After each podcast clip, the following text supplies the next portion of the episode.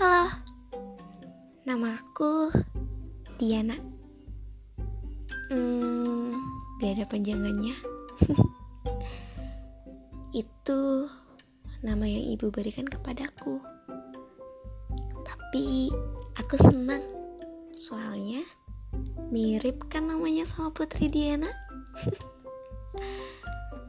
Ini podcast tentang rindu merindukan merindukan seseorang yang telah pergi atau yang telah menghilang. Dua-duanya sama saja, tidak menetap di hati. Oke, ikutin terus ya.